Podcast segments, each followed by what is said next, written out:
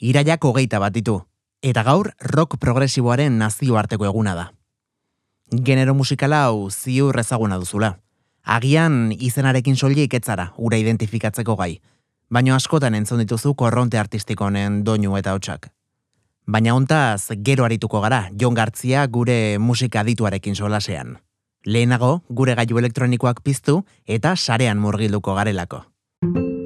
Ispilu beltza, asier errastirekin. Bale, grabatzen dago, eh? Bale, nahi genien.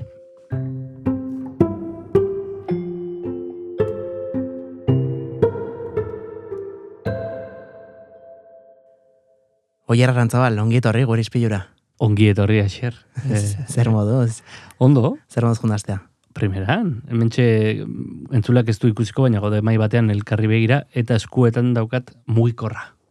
Mugikorra da nire ispilu beltza. Bakizu mugikorra itzalutakoan ispilu beltza bat dela. Black Mirror. Black Mirror, hortik. Black Mirror. eta eta gaur ere ba, buzeo txo bat egin dut mm, gure mm, erronka hori gauzatzen saiatzeko, alegia, bueno, pixuzko zerbait, interesgarria den zerbait, eta denbora merezi duen zerbait ekartzeko ona. Sarean, aurkitutakoa, sarean topatutakoa, em, pasaden asteko zure tartea entzun eh, zuenarentzat, pixka bat eh, aipatzea zu, astero-astero gurekin izango zarela kultura digitalaz, eh, solasean, eta bueno, ba, gomendio interesgarriak ekarreko dizkiguzula. Pasaden Mm. astean The Mystery Show izena Mystery duen, bai, podcasta ekarri zenuen, eh, nik entzuteko aukera izan nuen, eta oraindik entzulen, eh, bueno, ba, tartea hartu ez baduzu, pena merezi du, eh, podcast hori entzutea, eta mm, gaur ez dakit eh, beste podcasten bat, ekarri diguzun, edo... Gaur, en, begiratuko diot, zarean nahiko, ba, bueno, burrumba sortu duen gai bati. Zeratik, interesatzen zaidalako, e, tipo argi batek egin duelako, eta biluzian utzi dituelako edabide askoren penurak. ¿Estás grabando? El jueves 7 de septiembre del 2023 por la noche, una cuenta que se identifica como Tony García en Twitter, X o como se llame, empezó a señalarme con una serie de acusaciones muy graves. Esan dut, tipo argi batek eh, ekarri duela gaurko gaia, Tamayo, zena du Carlas Tamayo, Ah. Carlas Tamayo youtuberra, eta, bueno, ba, nabarmendu dena mm, sareetan ikerketak en, infiltratuta sartu da e, ikertzera hainbat erakundetan, erakunde sektari, sektarioak, e, sektak, e, bueno, danetarik ez. Eta eduk interesgarri egiten du, baina bere azken kolpea, benetan e, erreparatzekoa da. Tengo una amiga que lleva desde hace unos meses trabajando como productora para Tamayo, y a partir de aquí empieza a hacer una serie de afirmaciones del tipo, pero el tío insistía mucho en lo bien que le pagaba. Tuviste suerte conmigo, si es otro, a ver cuánto te pagan. O, qué gracioso que tú seas la periodista, pero estés trabajando para mí, que no lo soy. Carlas Tamayo, en, esan bezala, oraingoan, saiatu da bere buruaz beste egiten ze iruditzen zaizu. Bere buruaz beste egiten. Bai, e, modu digital batean. Ah, bale, bale, bale, bale. Modu Eh, digital eh, eta nola egiten da hori? Bueno, ba, Carlas Tamayok egin duena da, mm, aditu baten aholkularitza kontratatu, mm, sarean bere buruak kantzelatzeko.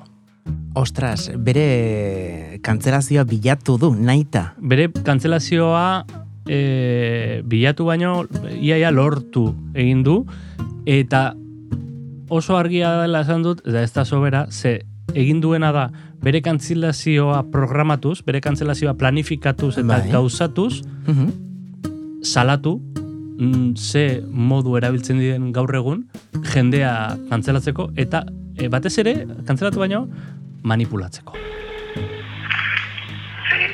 Hola, eh, ¿eres de Diario 16? Hemos estado hablando por correo, te llamo para saber un poco el precio de un artículo. Pues mañana si quieres te paso, te paso tarifas, lo que me viaja el coche.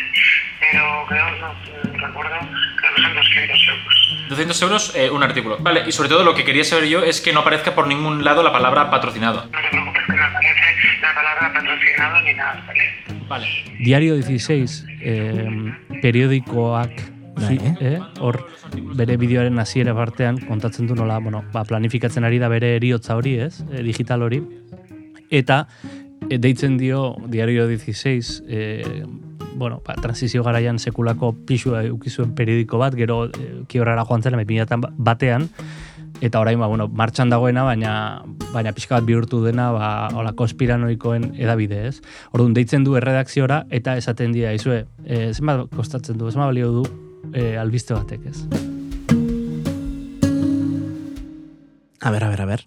Hori, hori erosten da? Dudari gabe, bai, bai. Oikoa da, hori da e, e, okerrena, ez? Oikoa dela edabide askotan salmenta. Eta gainera salmenta adierazi gabe publizitatea dela, edo kanpaina baten parte dela, ez? Eta hor ja azten da, ez? Batetik, ari, azten gara ikusten edabide sistemaren kosturak, ez? Eta gero, e, behin birala egiten azten denean en, kontua, ze berak egiten du, egiten du olako e, mm, viralizazio faltzu bat, baina gero ba, beste bere kontrako jende askok zabaldu egin dute eta eta batean viralizatu da organikoki esango esango dugu edabide e, sare sozialetan, ezta? ze, ze tresna erabiltzen du viralizazio faltsu horretarako? Hau da, ez dakit Instagrametik eh, abiatzen den, Twitterretik, eh, zein Oker, da? Okerespanago Twitterreko ari bat da en, e, zea, e, abia puntua. Vale. Sortzen du persona bat, e, edo profil bat, Mhm. eta profil horren bitartez azten da e, txioari bat botatzen, Vale. en, bere langileekiko e, despota bat izan den tamaio baten mezuak filtratzen, bai? Claro, mezu horiek Photoshop bidez eginda daude, WhatsAppeko kapturak eta barrez. Hortik abiatzen da, hasieran ez dauka viralizazio organikorik, baina bapatean azten dira, ba, ba, jende eh, eskuineko eh, influencer asko azten dira, odola usaintzen dute, ez, tibureiak bezala, Bai. Eta azten dira, ba, bueno, hortik probetxu atera nahian. Eta hortik azten da viralizazio bat. Eta hor dator beste inflexio puntu bat, eta mm, e, berriz ere edabidetara goaz, ze momentu baten, edabide batetik idazten diote esaten, haizu, hau publikatzera goaz, e, hitz egin nahi duzu? Ez paduzu hitz egin nahi, berdin berdin publikatuko dugu, ez? Eta esaten die, e, kakazar hori ez dela egia, ez publikatzeko, ez dula ezer komentatuko kakazar inguruan, ez? Eta erantzuten diote, berdin-berdin publikatuko dutela. Tama, tamaio berak sortu duenez, lehenengo kontu hori, Mhm. ba, bera jabetzen da, ez diotela, ez da kontu horren jabeari idazten, konprobatzeko, ea, edo kontrastatzeko, ea, aber nondik atera duen informazio hori, ez? Hau da, kazetari batek e, tamaio bera deitzen du polemikaren erdian, Hori da. esaten dio, aber, elkarrizketa bat emango dion, ezta? Mhm. e, medio horri, tamaio kezetz esaten du, gainera, e, azpimarratzen du guzti hau gezurra dela. Bai. Eta ondoren ez dira e, nolabait iturriarekin harremanetan jartzen guzti hori konfirmatzeko? Hoixe bea. Eta, eta bueno, horrera ikusten du praktika orokortu bat, Mhm. edabi- edabide askok egiten dutena, eh, edabide digital askok, eta ez digitalek ere bai, ba, bueno, ba, ontzat ematea eh, zer eh, konprobatu Txio batean argitaratutako zerbait. Bai, modua kritiko batean, eta hori ohikoa da, ez? Baina, bueno, Baina, eh, hori ez da kazetaritzako lehenengo mailako lehenengo egunean ikasten, oier? bueno, gauza asko ikasten dira kastaritzako eh, karreran, gero ez direnak aplikatzen eh, ia inoiz, ez? Hor, bueno, deontologia irizpideak behiratzen baditugu, ia, de, ia denak apurtzen dira egunero, ia edonon. Orduan ez dakit hortik ez, ez erratera ezakegun. Baina, baina, bueno, hauen, hau mm, ariketa brillante hau e, ikustean, bueno, mm, nik uste e, ba, kontzientziak e, pixka bat e, pizten direla, ez? Gogoratzen naiz David Jimenezen el director liburuaz, eh, Mhm. David Jimenez el mundoko zuzendaria izan zen, el mundoko zuzendaria izatea tokatu zitzaion, izendatu zuten e, ba, Pedro J. Kutzi eta, eta Pedro Jaren ordezkoak ere uste utzi zuenean. Eta berak liburu horretan kontatzen zuen, e, gomendatzen du baita ere bide batez, em, zer botere daukaten edabidetako zuzendariek, edabideek eta zeharreman daukaten boterearekin. Ez? Eta hor David Jimenezek kontatzen zuen nola ohiko praktika den edabide askotatik e, enpresa bati deitzea esanaz hau dena publikatuko dugu eta ez badu, e, ez baduzu nahi publikatzea jarri publizitatea gure edabidean, ez? Wow. Oiko, oiko kontuak dira Espainiar estatuan, segurazki beste estatu batzutan ere bai, baina salagarriak, guzti salagarriak, eta e, uste dut tamaiok mm, sareak inguratzen gaituen, eta sareak bizi gaituen garai honetan, dianan joduela ba, erreportaje honekin. Eta mm, hori da, hori da gaur komentatzeko neukana. Nik uste badaukala nahiko pixu gurekin, e, bueno, minutu batzuk, ordu erditxo bat e, gelditzeko eta pentsarazteko, ez da? Bai, bai, dudare gabe gai potoloa, eta nire ustez batez ere beldurgarria. Ekarri duguzuna gaur errealitate bat eh, mai gainean jartzen duelako, askotan gukeri ikusi nahi ez dugun errealitate bat. E, beraz, aipatu duzu, eta maioren YouTubeko kanalean sartu beharko garela bideo hori Mhm. ikusteko, e, bueno, dudari gabe zoragarria. Gaur ere ekarri duguzuna, oier, eskerrik asko, eta aste honetan ere, aber, zerbait e, interesgarria topatzen duzun. Arran, arrantzan ibiliko naiz, asier. Datorren azter arte.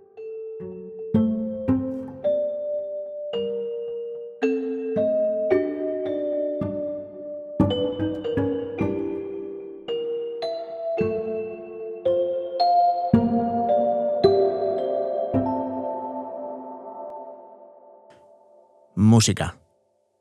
Musika da definitu ez daitekeen gauza horietako bat. Musikari ezin dizkiogulako egalak ebaki. Naiz eta saiatu eta saiatu. Baina gizakiak gara. Hitz ez elikatzen den animalia. Eta hitzak behar ditugu gauzak ulertzeko. Beno, gauzak ulertzeko bai, baina ez gauzak sentitzeko.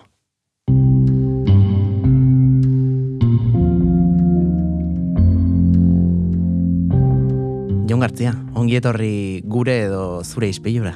Eskerrik asko hasier. Ze zer zabiltza gaur hemen? Bueno, ba, zure gonbitea jaso dut eta placer handiarekin, aspaldiko. Gaur musika kontuak izango ditugu zurekin izpide, beti izaten Bai. dugun moduan, zuzarelako gure musika ditua, Bueno, eta em, gaurkoan, ba, e, nazioarteko egun baten aitzakia baliatu dugu, ba, zukurera ekartzeko. Bai, bueno, zuk aipatu zenean, nik eh, neukan idearik, ezakit nor jartzen dituen nazioarteko egun hauek, baina, bueno, ondo dago jakitea, nazioarteko eh, rock progresiboaren nazioarteko eguna. Rock progresiboa. Mhm. Lehen ez dakite, erresagoa izaten zen, ez? E, musika genero edo kantu bakoitza generoka multzukatzea, gaur egun askoz ere azpi genero anitzagoa dauzkagu, dena etiketatuago dago. Em, Bai, bueno, honek ja bauzka urtetxo batzuk, eh? baina bai, gerozta subgenero eta sub-subgenero Bai, gehiago dago. Bai, bai, bai. eta, Beti eta etiketak, eh? Ala ere, pff, eh, dena oso subjetiboa da, ez? Bai, eta, bueno, sortzen dira ere bai pixka bat, ba, jendea orientatzeko edo, baina batzutan ez da kasua handirik egin behar, e, ez dakit, talde bat etortzen zaizu kriston musika bitxia edo berezia jotzen, eta ja nahi dugu sartu multzo batean, eh, batzutan ezin da definitu. Ba, gaur naiz eta zaila izan, saiatuko gara pixka bat, ez? Rock progresiboa zer dena saltzen, Bai, pixkat eh, kontzeptu hori definitzen, em, eta asteko agian kokatu gaitzazu, noizkoa da e, genero hau edo mugimendu hau. Ba, sortzen da gutxi gora bera irurogei garren amarka maieran, hori irurogei margarren amarkada izan zen genero honen ba, azkunde handien izan zuen garaia.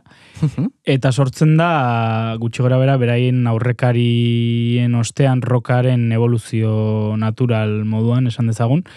E, izan ere roka azken finan poparen barneko bueno, beste subgenero bat bezala kokatu genezake, ezakit igual polemiko da esatea, baina e, gertuago zegoen popetik, eta bueno, hasi ziren ba, beste estilo batzuetara gerturatzen, Vale. e, Beatles beraiek ere hasi ziren pixkat esperimentatzen, hor, Mhm, e, bai. bueno, e, azkenean rock progresiboa ere bai askotan psikodeliarekin ere lotzen da, eta bueno, Beatlesek e, ba, aztertu zuen e, estilo hori, eta bestelako talde batzuk ere ba, rock opera hasi ziren egiten, bueno, The Who eta beste hainbat, baina garai honetan talde hauek hasi ziren beste, beste estilo batzuetara gerturatzen are gehiago, ez? E, Jazzera, musika klasikora, e, ba, bueno, popa azkenean simpleagoa zen, eta rock e, primigenio hori esan dezagun, ere bai nahiko simplea zen, baina hauek e, apostu egin zuten ba, instrumentazioan eta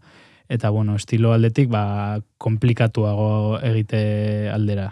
Zuk esan duzu oraintxe bertan, hartu zuten garaiko roka eta roke simple hori, kako Mhm. txartean esan da, komplikatzen hasi ziren beste genero Bai. batzuetara gerturatzen eta generoiek, e, bueno, ba, beraien genero propiora txertatzen. Mm, ez dakite, aipatu duzu The Beatles, The Who, erreferente handiak. E, Ba, bueno, horiek gehien bat aurrekari moduan, baina rock progresiboan ba, beste hainbat talde ezagun e, daude, ba, esaterako Jethro Tull, King Crimson, Pink Floyd beraiek ere rock progresiboaren Mhm. aita bezala ezagutzen dira, Rush, e, Genesis, ba, hor, e, asko daude, Alan Parsons, e, hainbat eta hainbat. Mhm. Taking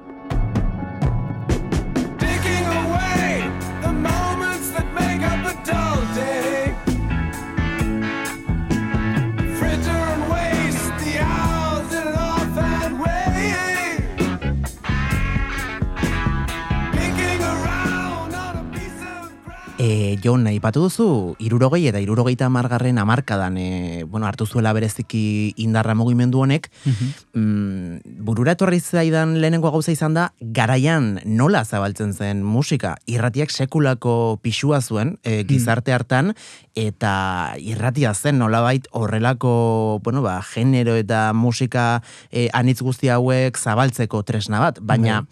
E, bueno, egia esan bereziki radiofonikoa ez zen e, genero honen formatua. Hmm.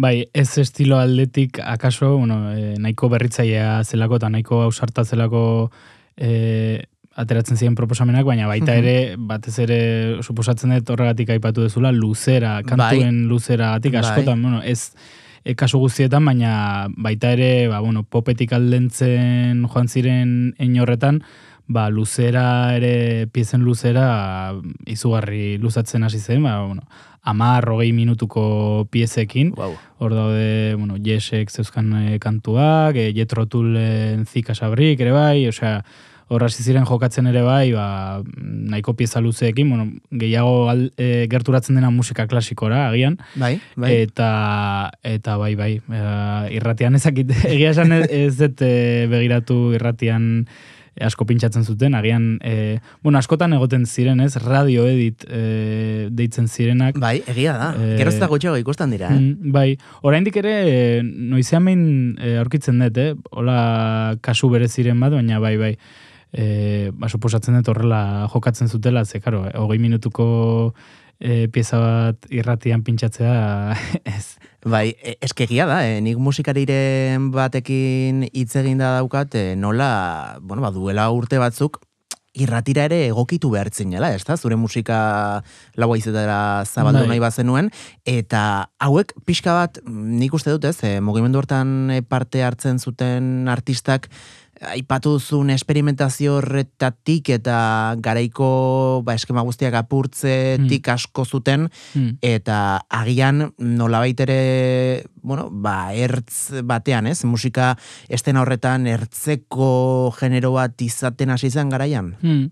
Bai, eta bueno, apurtze horretan ere bai, ba, hasi ziren e, normalean rokean e, oi- e, hain ohikoak ez ziren e, gauzak egiten, e, ba, adibidez metrika aldetik e, ohikoena izaten da 4x4 Bai. eta bueno, metrika horiek entzutea bai popean eta bai rokean, baina hauek hasi ziren pixkanaka ba, bestelako metrika batzuk e, e, sartzen, instrumentazio eta komposizio aldetik ere garatuagoak ziren, ba, progresio gehiago, e, bueno, jazetik ere influentziak, e, bestelako e, genero bitxiagoetatik influentziak hartzen, eta bai, bai, e, nahiko ausarta izan zen bere garairako, eta bueno, e, ikusten da ere bai izan duen beste genero batzuengan eta e, aurrerantzean etorri diren beste genero batzuengan izan duen influentzia izan da nabarmena, e, zalantzari gabe.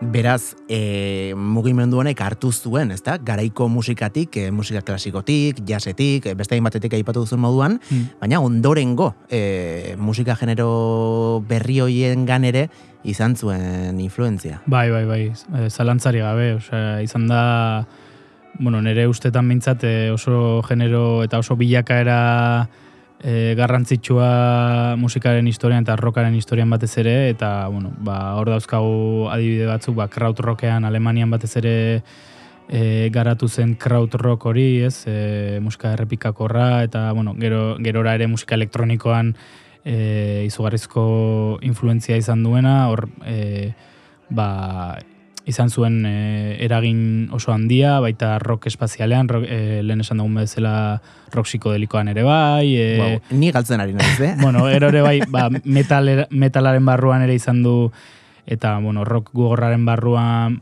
e, bueno, hor ere nastu egiten dira azkenean, ez, lehen esan duguna, osea, etiketa bat jartzea, bueno, baina hor nastu egiten dira, eta hor izan du e, talde garaikide, edo, bueno, gutxi gora bera garaikide batzuetan, izugarrizko influentzia, eta, bueno, post-rockean ere bai, bueno, e, itzen genezake luze, baina, bueno, e, ez gera luzatuko gehiagi ere ez. Ez, e, musika generotan sartuzkero, bueno, e, Bai, bai. denboraldi ere bukatuko daulako, Bai. e, hasi berri gauden honetan.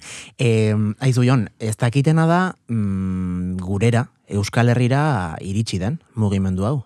Ba, bai, eta gainera, bueno, duela gutxi e, DJ Makalak, gure Ah, e, ezagun eta laguna denak e, bilduma bat atera zuen elkarrekin batera, e, ba, irurogeita mabi eta larogeita bost urten tartean e, bildutako ba, musika aukeraketa bat egin zuen, e, hain zuzen ere, hori, ba, e, musika progresiboa, rock progresiboa e, eta antzeko estiloak biltzen dituenak, kate begiak izena duena, eta benetan gomendatzen dut, ze hor daude izugarrizko arribitxiak, e, aipatzeko lan anekdotikoki, e, badago William F. e, hau begiratu ardete, William S. Fisher, barkatu. E, William S. Fisher zan tipo bat, e, zakin nungoa, Euskalduna, Euskalduna ez, ez, ez, baina tipo etorri zen irurogeita margarren amarkadan, eta Bai. egin zuen disko bat, akelarre izenekoa, Mhm. Eta bertan nazten du euskal folklorea, euskal folklore abestiak, e, rock progresiboarekin, funkarekin, e, bestelako jazarekin, osea, da, benetan entzuteko modukoa, eh? gaur egun ere, bai, bai, merezi du.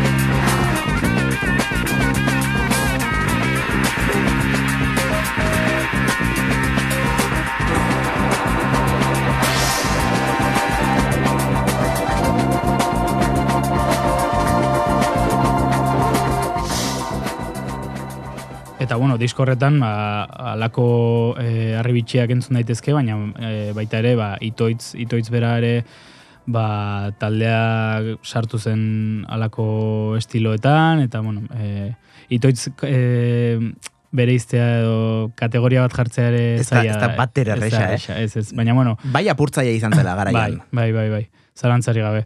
Eta, ba, gomendatzen dut, makalak egin zuen e, rekopilatorio hau entzutea, ze hor aurkitu daitezke, ba, izugarrizko kantuak, eta...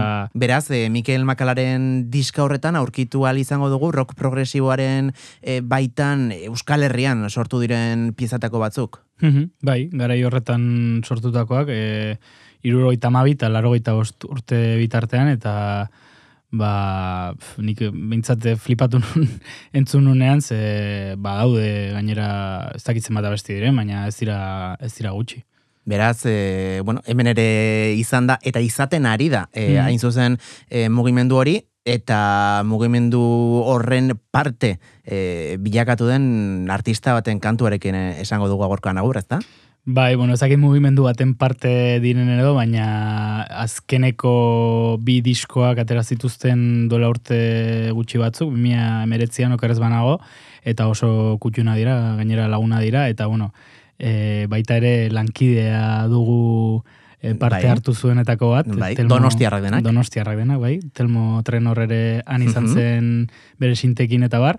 Eta horiek dira Pelas, e, Pelas talde donostiarra, bueno, hasieran bluesa jorratzen zuten gehien bat, eta azken diska horietan hogei minutuko abesti osatutako bi diska, bi, e, bi abesti, disko bakoitzan, bakoitza hogei minutu. Beraz, bai, bai.